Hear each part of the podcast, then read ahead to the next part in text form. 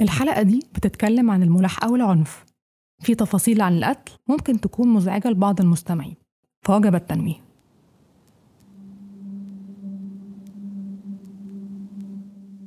آه، سلمى يعني كانت محررة عندي في الجرنان وهي زي بنتي بالظبط. خصوصا إن إحنا بلديات. حاضر يا أستاذة بس قولي لي أروح فين وأعمل إيه؟ طبعا أنا أشرح لها تروح لمين.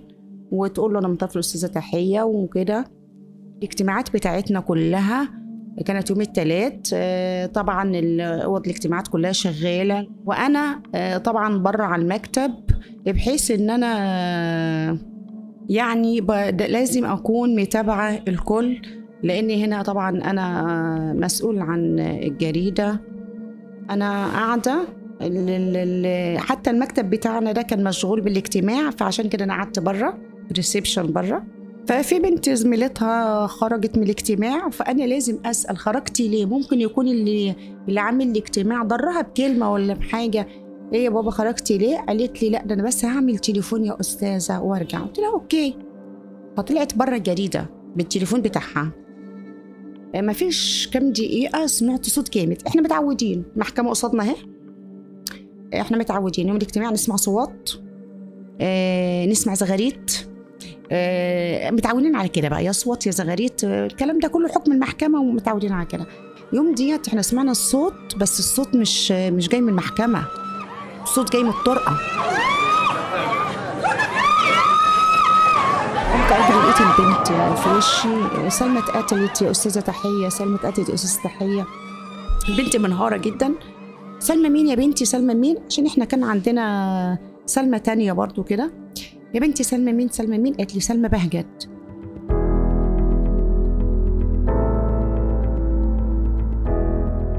دي كانت تحية محمد. بتحكي لي عن اليوم اللي دخل شاب اسمه إسلام محمد مقر الجورنال جورنال عيون الشرقية اللي في شارع المديرية في مدينة الزقازيق. استنى في مدخل العمارة دي سلمى بهجت. ولما وصلت مقر الجورنال اللي هي بتدرب فيه ضربها بسكينة 31 مرة لحد ما ماتت. إسلام قتل سلمى لأنها رفضت ترتبط بيه. الجريمة دي كانت تاني جريمة بالشكل ده السنة اللي فاتت من بين أربع جرائم زيها. قبل سلمى اتقتلت نيرة أشرف وبعدها اتقتلت أماني الجزار وخلود سعيد. كل واحدة فيهم اتقتلت في مكان مختلف لكن السبب واحد رفض دخول علاقة أو الاستمرار في علاقة مع راجل. تابعت الجرائم الأربعة وكان عندي أسئلة كتير. عاوزة أعرف هو ليه ده بيحصل؟ ست ترفض عريس أو تسيب صاحبها توصل لنهايات دموية زي دي هل البنات كانوا حاسين بالخطر قبل الجرايم؟ هل عملوا حاجة قبل الجرايم؟ طب في حاجة أصلا ممكن تتعمل لتجنب تكرار الجرايم دي؟ إيه أثر الجرايم دي على الستات التانية؟ أهلا بيكم أنا هبة أنيس وفي الحلقة دي من بودكاست مدى مصر أنا اتكلمت مع ناس قريبين من الضحايا وكمان مع باحثين وناس خايفة تتعرض لجرايم زي دي في محاولة للإجابة عن الأسئلة دي. الله يرحمها كانت متميزة متميزة شاطرة عايزة توصل بسرعة. فعلا أنا مش ده كلام عشان هي توفت لأ أنا بتكلم الحقيقة وربنا هو يعني لا كانت هنا تحية كانت بتكلمني عن سلمى بهجة. كان عندي فضول أعرف لو في يعني سمة مشتركة ما بين البنات. آه طبعا. نقدر من خلالها نفهم هم ليه بقوا ضحايا؟ بتاعتنا كلها يعني هل مثلا كان وضعهم الاجتماعي متشابه؟ وده بيربط نوع الجريمة بشكل ما. شابات في مقتبل عمرهم متعلمات أو بيتعلموا تعليم جامعي. عندهم طموحات مهنية. وبالتالي عندهم حرية نسبية لاختيار شركائهم في الحياة. على طول دايما تيجي تحضر الاجتماعات اشرح لها الحاجات اللي واقفة قدامها وتجيب لي الشغل وتبعته لي. روحي المستشفى شوف فيها كذا فيها شغل فيها فيها. يعني كانت نشيطة. هل كانت صدفة إن إسلام محمد قاتل سلمى بهجة طعنها في مدخل مقر العمل بتاعها؟ هل ده كان إعلان موقف منها ومن أسلوب حياتها؟ كان صعب مربوطش ما بين اللي حصل لسلمى باللي حصل لنيرة أشرف الطالبة في جامعة المنصورة اللي كانت عايشة في المحلة مع أسرتها وفي نفس الوقت بتشتغل في شركة في القاهرة. كل ده بالتزامن مع دراستها. وقاع قتل نيرة كانت شبيهة بوقاع قتل سلمى. تعالوا نسمع اتحكت إزاي في مرافعة النيابة. السيد الرئيس الهيئة الموقرة إنها الحادية عشر صباحا في الطريق العام أمام بوابة تشكى بجامعة المنصورة. وقت زحام شديد طلاب علم يتحركون ويتنقلون وجمع غفير يباشر أعماله ويسعى لكسب رزقه. سيارات وحافلات كثيرة ضوضاء محيطة. ورغم هذا وذاك وكأن العالم بأسره قد توقف للحظات. فلا صخب ولا زحام ولا أرى الآن غير المتهم يلحق بالمجني عليها. أسمع نبراته وعباراته. أكاد أشعر بعدد أنفاسه. أخرج المتهم بيمينه سلاحه السكين. بعدما لحق بضحيته رفع المتهم يمناه وانهال على المجني عليها بطعنات غاشمة. طعنها طعنات متتالية في سرعة وتتابع. أصابت المحيطين سقطت المجني عليها فأحكم المتهم إمساكها ونحر عنقها. بعدما طعنها مرات ومرات. تسعة عشر جرحا أصاب بها جسدها. سقطت نيرة أرضا والدماء من حولها تسيل. سقطت عاجزة عن المقاومة أو حتى الاستغاثة بغيرها. فلم يستغرق ثوان معدودة حتى أتم المتهم جرمه. ويا لهول ما وقع. محمد عادل ذبح نيرة قدام جامعتها قدام زمايلها زي ما قاتل سلمى طعنها قدام زمايلها في شغلها. أماني الجزار الضحية الثالثة طالبة في كلية التربية الرياضية. كان عندها 20 سنة. ضربها محمد أبو عميرة بالنار وانتحر بعدها بنفس السلاح. هو اللي, اللي مثلونا الجريمة اللي كانوا واقفين بيقولوا هي وقعت على ركبتها لما ضربها من ظهرها وبتقول زي عاملة إيديها كده اللي هو زي بتقول انقذوني أو الحقوني. ده ضربها بالرجول على وقعت على وشها وبالرجل قلبها من على وشها على ظهرها. وضربها بالمسدس اللي كان شايله دي ثلاث خبطات على دماغها ده حد يحب حد كده؟ تسموا ده حب؟ لما ده الحب أمال الكره هيبقى عامل إزاي؟ دي كانت سلمى بنت خال أماني. قاتل أماني اتقدم لها وأسرتها رفضته فقرر يقتلها قدام باب بيتها في نفس الشارع اللي هو كمان ساكن فيه. وأخيرا اتقتلت خلود سعيد الضحية الرابعة في بيتها في بورسعيد. موضوع مأساوي جدا إن بنت يتيمة بتشتغل علشان تصرف على نفسها وتجهز نفسها زي حلم أي بنت إنها تتجوز. وتصرف على أخواتها لأن ملهمش هي كمان أب وأم هي الكبيرة. إنها تفقد حياتها كده غدرا حد ينط من الشباك بشهادة الجيران علشان يضربها ويخنقها لحد ما تموت لمجرد إنها قالت له إنها مش عايزة تتجوزه. في تفاصيل كتير خلود كانت دي. شغالة في مصنع في بورسعيد مع خطيبها اللي قتلها. وكانت عايشة على سطح عمارة زي ما قالت صديقتها هبة عادل في تصريحات إعلامية. قاتل خلود سعيد محمد سمير اتحكم عليه بالإعدام يوم 2 يناير اللي فات. أربع جرائم قتل أربع ستات اتقتلوا علشان رفضوا رجالة. شوية من الرجالة كانوا أحباء سابقين وشوية كانت علاقتهم بالضحايا محدودة جدا. الستات دول كانوا من طبقات اجتماعية مختلفة. منهم اللي كانت بتسعى للاستقلال ومنهم اللي كانت مستقلة فعلا بحكم الضرورة. ومنهم كمان اللي كانت معتمدة على أهلها. كان في بينهم فروق لكن كمان كان في بينهم حاجات متشابهة. لكن الشبه الطاغي بينهم كلهم إنهم اتقتلوا لنفس السبب في نفس السنة. اتكلمت مع ناس متابعة القضايا علشان أحاول أفهم أكتر. لمياء لطفي مديرة مؤسسة المرأة الجديدة. شايفة إن الموضوع سياقه أوسع من حالات عنف فردية أو حالات متشابهة زي اللي حصل السنة اللي فاتت. المجتمع بيشوف جا- يعني إن الفرد اللي عنده نازع للجريمه أو دافع للجريمة لأنه في دوافع للجريمة. هي صحيح مش مش مبرر يعني مش مش مبررات خلينا نتسامح معاها. لكن في ناس عندهم آه، نوازع إجرامية وعندهم دافع للجريمة. لما بيشوفوا إن الجريمة دي مرضي عنها أنا بتكلم على بعد آخر للحجاب والستر. بالإضافة إلى الدين هو بعد الحذر بعد الأخذ بالسبب. بتشوفوا الناس في الشارع ماشية شكلها إيه؟ المفزرة دي اللي قعدتها ثلاث ساعات عشان تلبس البنطلون. بتفزر نفسها لمين؟ مؤسسة المرأة الجديدة اشتغلت على قضية قتل سلمى وحضر محامي من المؤسسة جلسات التحقيق في القضية. لما وضحت لي إزاي الجرائم دي مش بتتشاف كاستثناء أو كحالات فردية مصدرها مرض نفسي زي ما في ناس كتير ممكن تتخيل. بس ده لو بصينا على السياق الأوسع.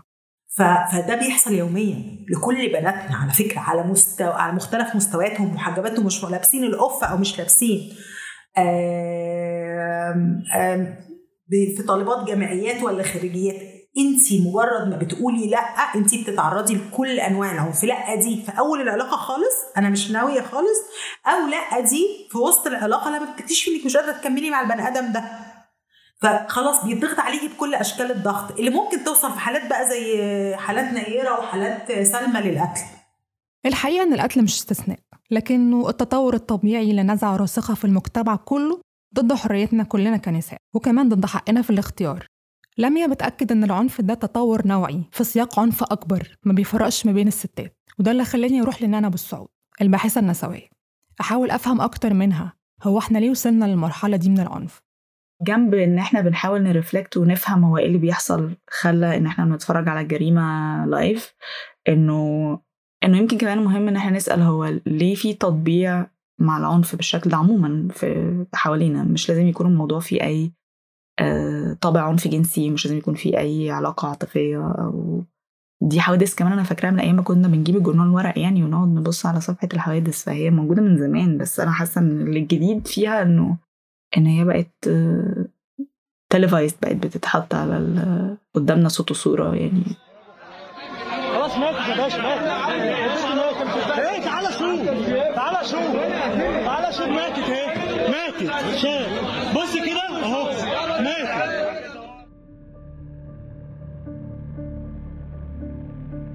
يعني أنا حاسة إنه يعني لو بصينا على نوع جرائم القتل اللي الستات بتتعرض لها من ناس قريبة منها في مصر. هتلاقي إنه آه، قتلها عشان هي زنانة أحيانا بيبقى ده الخبر قتلها علشان هي مثلا آه، ما أعرفش يعني ما ما بتسمعش كلام أمه هي كلها حاجات برضو ما هي من من من بره هي لسه بنفس ال- السطحية وبنفس التفاهة بتاعت إن هي قالت لأ فقام قتلها يعني أنا حاسة يمكن من كلامي مع نانا ادى لقينا الموضوع قتل الستات متكررة الناس طول. الوقت بس بصور مختلفة. يمكن ما بتاخدش نفس الحجم. اللي خدته قضايا الأربع آه. بنات الأخيرة زي مثلا حوادث راجل يقتل مراته فالموضوع بيخلص. وساعات. كمان تطلع أصوات تبرره. أو معايا. مثلا أب يقتل بنته بس أنا حاسة فيبقى في دفاع عنه عام. بيأدبها. واوسع الأسئلة اللي أعتقد اللي كان كل الحاجات اللي كان ممكن تحصل قبل ما الحوادث دي تتواتر بالشكل ده كلها حاجات ليها علاقة الأسئلة الأكبر بتاعت إحنا بنتحمق على مين وإيه اللي بنطلبه لما حد قريب مننا بيجرى له حاجة وإيه اللي بنطلبه لما حد بعيد عننا بيجرى له حاجة. مين اللي حياته أهم؟ ليه العنف لو ما هيحصل جوه إطار الزواج ساعتها هيبقى في تسامح معاه؟ ومش بس إطار الزواج أنا لو كان مثلا لو لو هي واحدة وأبوها اللي قتلها هو إيه نوع ال... إيه نوع التعاطف اللي هيجي معاه؟ أكيد بيربيها. لكن ف... فأنا حاسة إنه بس هو في الآخر في النهاية كل في كل الحالات اللي أنا عمالة أرصها دي كلها فيها ستات بتموت وفيها بنات بتموت فإيه اللي بيفرق دي عن دي و... وليه في قتل بنبقى جلدنا تخين ناحيته وعارفين نبرره كويس قوي. وفي قتل إحنا عندنا دباجة كاملة حوالين حقوق الستات والاستقلال والشرقيني okay. يعني علشان نلخص الكلام لحد دلوقتي الجرايم دي تطور طبيعي لحاجة بتحصل طول الوقت باستمرار وبأشكال مختلفة. عنف ضد الستات بيرتكبوا رجالة. رجالة من أسرهم أو قرايبهم أو يمكن كمان رجالة ما يعرفهمش. كل ده بيحصل في طبقات وأماكن مختلفة. السؤال الطبيعي اللي بيطرح دلوقتي هو والحل. قصدي هنا الحل في موضوع الحلقة وهو إيه الحل عشان الستات ما تموتش؟ حتى لو الأسباب أعمق وأبعد من الحالات نفسها. نعمل إيه لو حسينا بتهديد من حد بنحاول نسيبه؟ أو حد مش عاوزين نرتبط بيه؟ أو شخص بيعاكسنا وبيهددنا؟ واحدة من الستات اللي اتكلمت معاها كانت رانيا رشوان. اللي حصل لرانيا بيعكس اللي بتحس بيه ستات كتيرة قوي في مصر.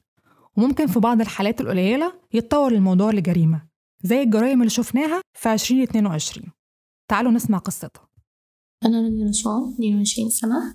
آه، كنت بدرس في كلية الآداب جامعة الفيوم بس دلوقتي حولت كلية الآداب جامعة القاهرة. أخدت القرار بعد موضوع نيرة بالظبط كنت خايفة جدا على نفسي. إن أنا هكون أنا المكان نيرة أو سلمى. الموضوع بدأ من من بدري من أول سنة تانية السنة اللي فاتت. آه، كنت محجبة وقلعت الطرحة فاتغيرت يعني اتغيرت عن ما هم شايفيني. يعني زي ما كنت في الجامعة في أول سنة. حاجات اتعرضت للتهديد منهم وتعرضت لمضايقات. وكان في حاجات بقول عليها لا يعني كان كان مثلا حد كان عايز يصاحبني فأنا قلت لا كان ولد محتاج مني محاضرات ومحتاج مني أفرغ له المحاضرات فأنا رفضت. كان في زميل ليا مثلا بيعمل لي بإيده علامة الذبح وأنا كنت ببقى رايحة بسكارف بس مش مغطية رقبتي. كنت فاكرة إن هي العلامة عشان أغطي رقبتي أو حاجة بس بعد ما توالت ال... الأحداث والمشاكل. أدركت إن هو ده كان تهديد من البداية في اليوم اللي نيرة توفت فيه. أنا فاكرة كويس. أنا أنا كنت يعني ما كنتش فتحت الفيسبوك ولا شفت الفيديو ولا أي حاجة. آه في حد يعني حد زميلي في الكلية قال لي خافي على نفسك يعني. خافي على نفسك. لا يعني أنا كنت لا حاولي إنك الموضوع بقى, بقى صعب. وكل يعني دفعتي كلها عارفة اللي بيحصل. مش لازم يكون الرفض على الدخول في علاقة أو ارتباط بشخص. لكن كمان ممكن يكون الرفض لطريقة اللبس أو القرارات الشخصية زي مثلا إن الست تصاحب مين وما تصاحبش مين. ممكن كمان يوصل لأدق تفاصيل حياتها. ممكن كمان يكون جزء من ثقافة ونظرة جزء من المجتمع للبنات والستات المستقلات. نرجع لرانيا. في ولد زميلي قال لي بعت لي آه، إن إن انت لو ما بطلتيش إن انت بتعمليه وإن انت كده بت بتسوقي لنفسك أو حاجة في حد هيستناكي بقطر بره الجامعة؟ وفي في اليوم ده أنا فعلا كنت خايفة أنا ما رحتش الجامعة في اليوم ده أنا فعلا كنت متخيلة إن في حد مستنيني بقطر وهيعورني. اللي رانيا تعرضت له من تهديدات اتعرضت له الأربع بنات اللي اتقتلت بأشكال مختلفة. نيرة أشرف طالبة جامعة المنصورة استقبلت رسائل تهديد من محمد عادل. ردت عليها بمحاضر في اسم الشرطة بس المحاضر دي ما اتحركتش. اللي حصل كان حاجة بتحصل في حالات كتيرة زي دي. عادات عرفية ما بين المعتدي أو القاتل المحتمل وأهله من ناحية وأهل الست من ناحية تانية علشان يبطل يتعرض لها. لكن الوعود اللي تمت في الأعداد دي ما اتحققتش. وده اللي خلى رانيا تشوف نفسها في نيرة حتى مع اختلاف الظروف.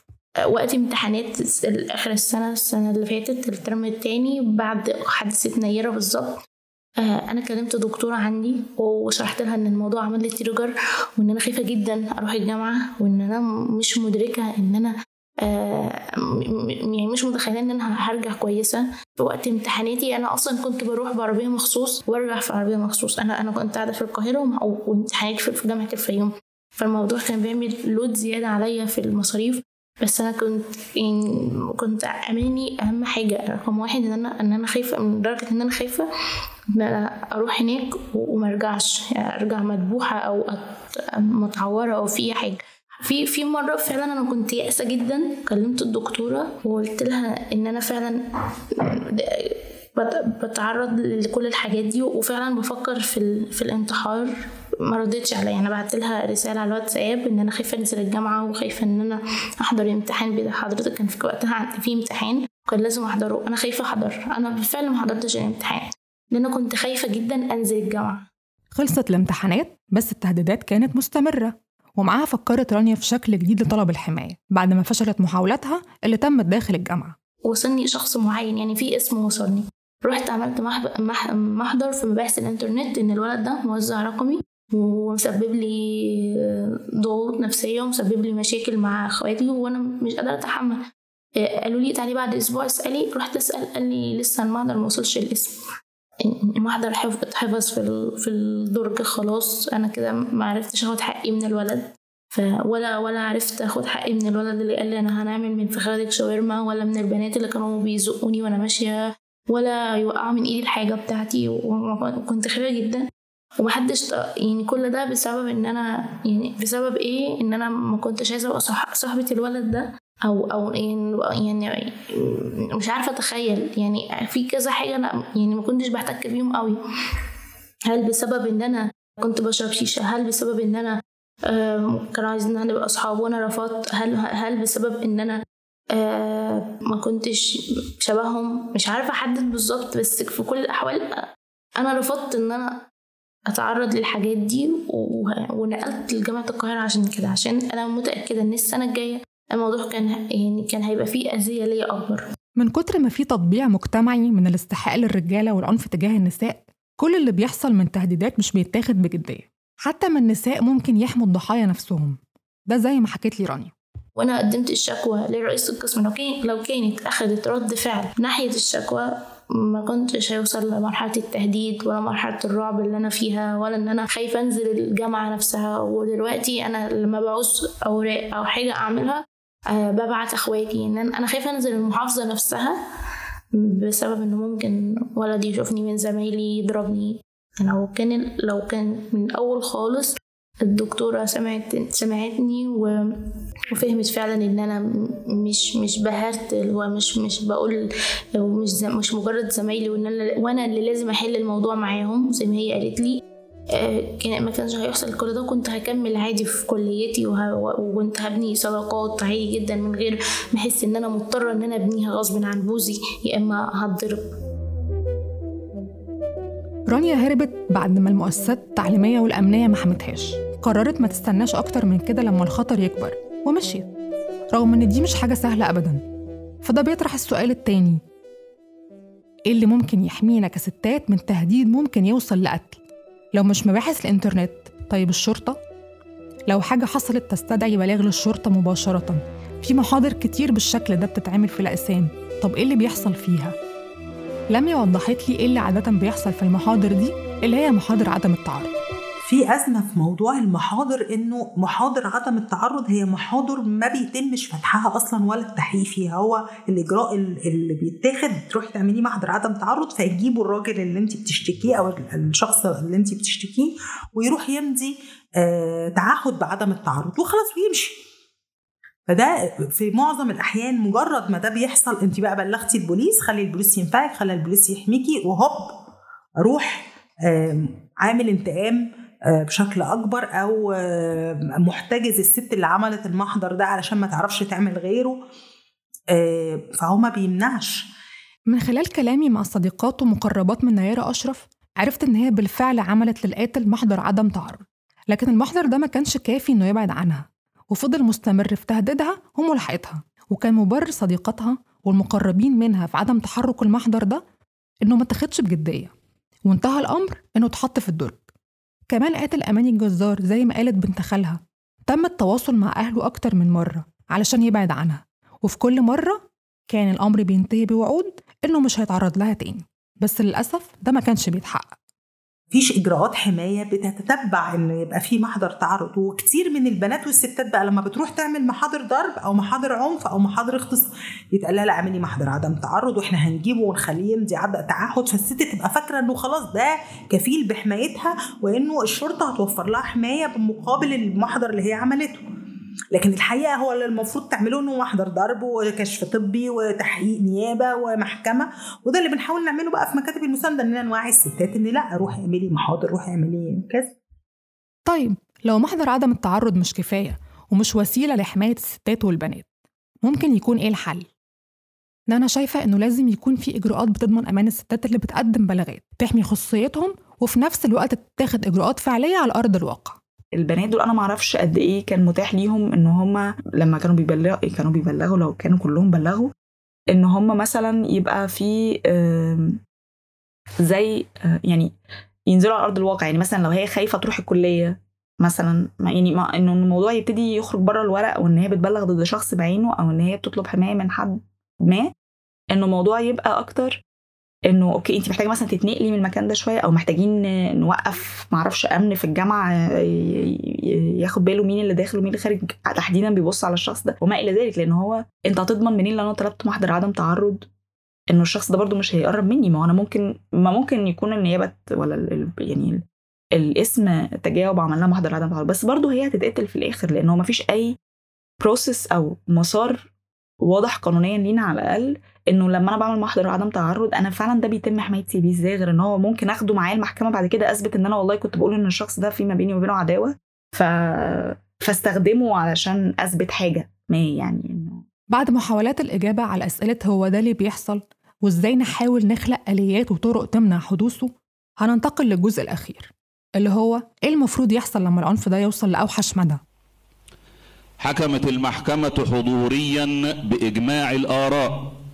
بمعاقبة محمد عادل محمد إسماعيل عوض الله بالإعدام ومصادرة السلاح القضاء أصدر ثلاث عقوبات إعدام لثلاث متهمين من الجرائم الأربعة أما المتهم الرابع فهو قتل نفسه وده وفقا لبيان ورواية وزارة الداخلية السؤال المهم دلوقتي هل الوقت ده كان كافي لإصدار الأحكام دي؟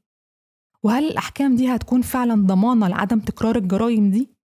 أه هو أول حاجة إعدام. أعتقد هي دي نقطة يعني ما خدناش وقتنا كلنا إن إحنا كمجتمع إن إحنا نناقشها جدواها إيه أصلا كعقوبة يعني وإن هي قد إيه عقوبة رادعة ل...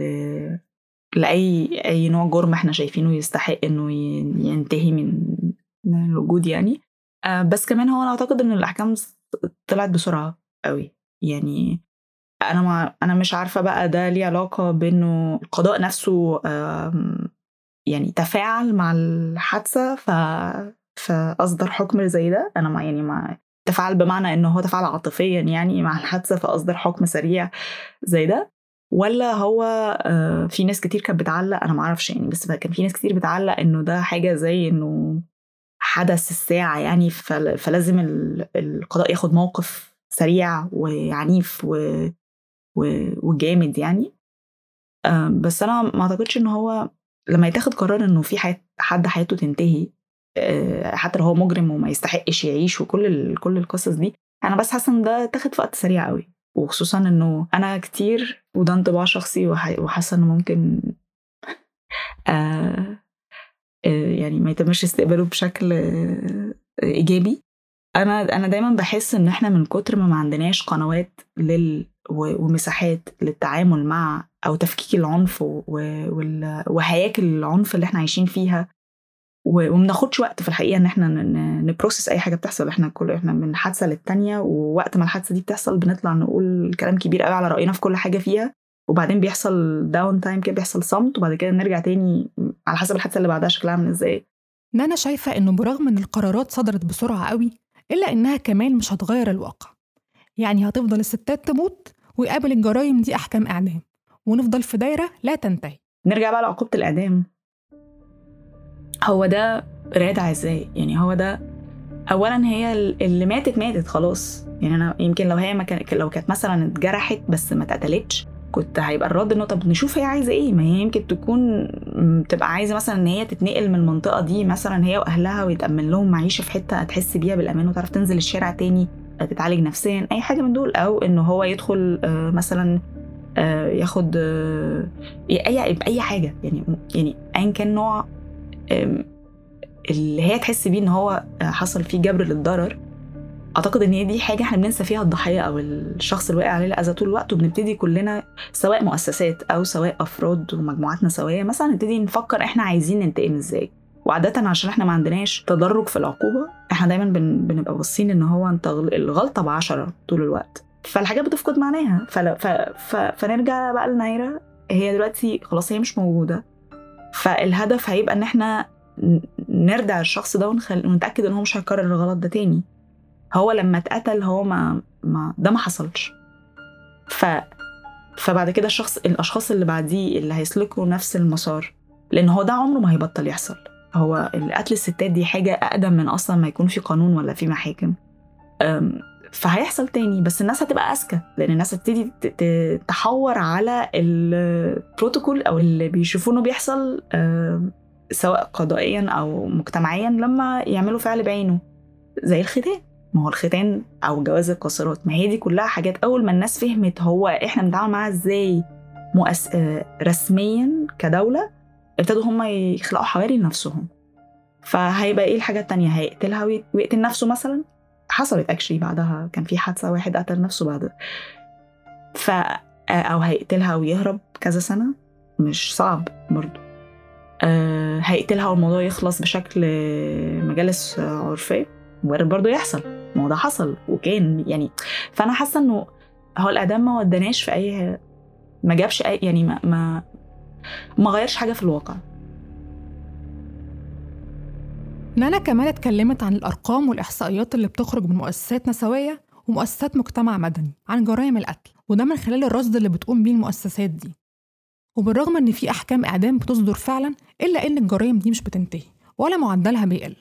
فشايفة إنه لازم يكون في تفكير شوية مع الأرقام دي عشان نقدر نحدد هل فعلا العقوبة دي رضع ولا لأ؟ هل إحنا محتاجين نفكر في أشكال تانية لمنع وقوع الجرائم دي؟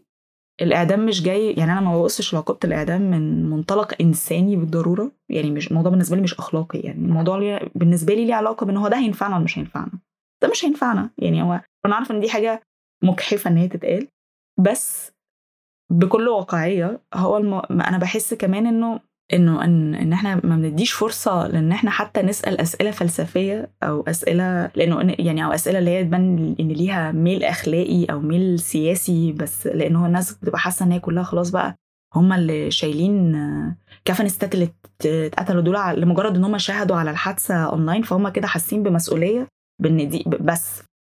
كل اللي سمعناه سياقه أوسع. مجرد أحد أشكال العنف ضد النساء. زيه زي ممارسات كتيرة قوي منتشرة في المجتمع. منها الضرب والتعنيف واللي ممكن يوصل في النهاية للقتل. في النهاية زي ما لميا ونانا قالوا إن ممكن لو اتفعلت شوية إجراءات واتعمل system لحماية الشهود والمبلغين وعدم انتهاك خصوصيتهم يمكن الجرائم دي تقل شوية. وإحنا كستات نحس إن إحنا مش مجبرين على الاستمرار في علاقة مش حابينها. أو نبقى خايفين نقول لأ لأ على أي حاجة تخصنا. لأ مش عايزة ألبس اللبس ده. ولأ مش عايزة أروح المكان ده. ولأ مش عاوزة أرتبط بالشخص ده.